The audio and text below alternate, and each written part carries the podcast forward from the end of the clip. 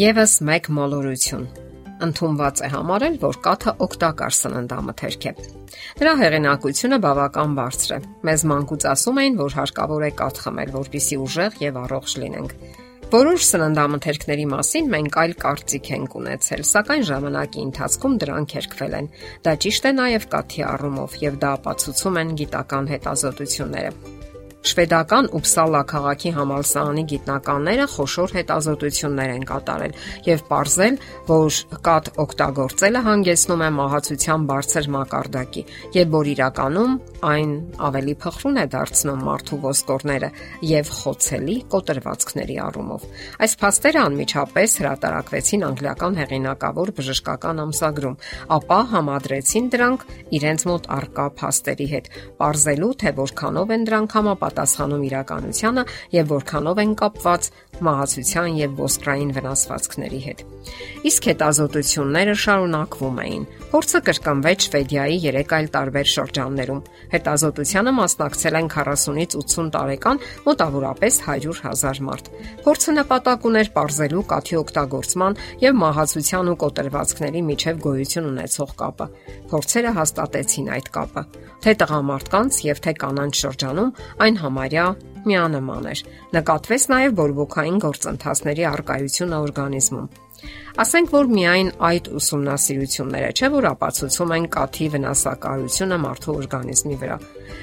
Մանկաբույժների ամերիկյան բժշկական ասոցիացիայի հրատարակած թերթում Հարվարդյան մանկաբույժ Դեյվիդ Լյուդվիգը ընդգծում է, որ կոտրվածքների մակարդակը բարձր է այն երկրներում, որտեղ կաթի օգտագործման մակարդակը բարձր է։ Ընդգծվում է նաև, որ գոյություն ունեն կալցիումի ուրիշ շատ այլ աղբյուրներ։ Հասարակական առողջության ամերիկյան ամսագրում հրատարակվել է մեկ այլ հոդված, որտեղ ցույց է տրվում, որ կաթի ամենօրյա օգտագործումը կարող է մեծացնել կոտրվածքների վտանգը վտանգը ամբողջ 50%-ով։ Հետազոտությունները ցույց են տվել նաև, որ կալցիումը այնքան էլ չի պաշտպանում մեր ոսկորները, ինչպես մտածում էինք նախկինում։ Բազմաթիվ հետազոտությունների ժամանակ կալցիումի հավելումները օրգանիզմում բոլորովին էլ չեն նվազեցրել կոտրվածքների ռիսկը։ Իրականում, երբ խոսք է գնում ոսկրերի կոտրվածքների նվազեցման ռիսկի մասին, անհամեմատ ավելի արդյունավետ է D վիտամինը։ Հետազոտությունները ցույց են տվել նաև, որ կաթնամթերքի օգտագործումը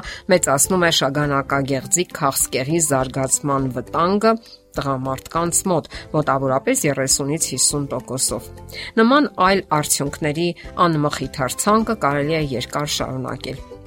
Հետաքրքիր կլինի նաև նշել հետևյալ հետաքրքիր փաստը։ Պարզվում է, որ մեր մոլորակի բնակչության 65-ից 75%-ը շատ դժվար է յուրացնում կաթի մեջ գտնվող լակտոզան վաղ մանկական շրջանից հետո։ Որոշ երկրներում բնակչության մոտ այդ թիվը հասնում է մինչև 90%։ Լակտոզայի անմարսությունը կապված է այն բանի հետ, որ դժվարությամբ է յուրացվում կաթի եւ այլ կաթնամթերքների մեջ գտնվող լակտոզան ու շաքարը։ Հարկավոր է նկատի ունենալ նաև այն փաստը, որ վաղ մանկական ժամանակաշրջանից հետո մենք մարսողական հիմնախնդիրներ ենք ունենում, երբ կովի կաթ ենք օգտագործում այլ ոչ թե մայրական կատ։ Ընդհանրապես մարդը այն քչերից է, որ օգտագործում է ոչ իր կաթը։ Սակայն տարիքի հետ կապված, երբ մարդը դադարում է օգտագործել մայրական կաթը, նրա մոտ նվազում է այն ферментների քանակը, որոնք պատասխանատու են լակտոզայի ճեղքման եւ յուրացման համար։ Արդեն նշեցինք, որ մոլորակի բնակչության 65-ից 75%-ը ի վիճակի չէ բնականon մարսելու լակտոզան, եւ այնուամենայնիվ նրանք շարունակում են կաթ օգտագործել։ Ահա թե ինչու վստահ կարելի ասել, որ կաթն ու կաթնամթերքը կալցիումի միակ աղբյուրը չեն։ Այդ աղբյուրների ցանկը բավականաչափ լայն է։ Կալցիումը անհրաժեշտ է թե ոսկրային հյուսվածքի եւ թե մկանային հյուսվածքների, ինչպես նաեւ նյարդային համակարգի համար։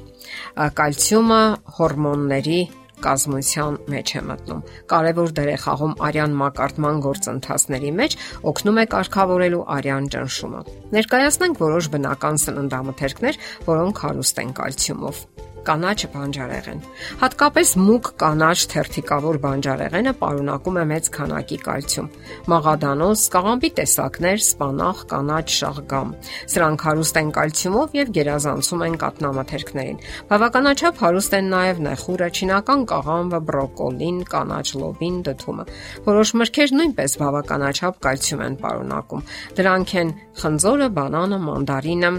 գրեյփֆրուտը իսկ թզի դեպքում այն գտնվում է ջրի մեջ։ Խնձորների եւ բանջարեղենի առումով կալցիումը գտնվում է կեղևի տակ եւ ուտելիս հարկավոր է հնարավորինս պահպանել այն եւ չհեռացնել։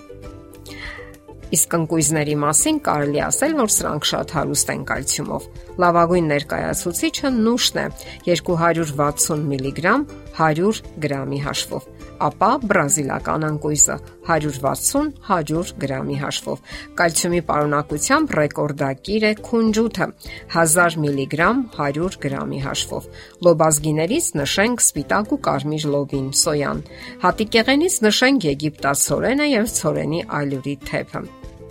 Այսպիսով մենք փորձեցինք ողրզել, որ կաթը կալցիումի լավագույն աղբյուրը չէ եւ այնքան էլ օգտակար չէ մեր առողջության համար։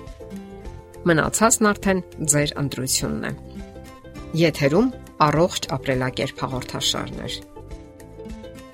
Հարցերի եւ առաջարկությունների համար զանգահարել 033 87 87 87 հեռախոսահամարով։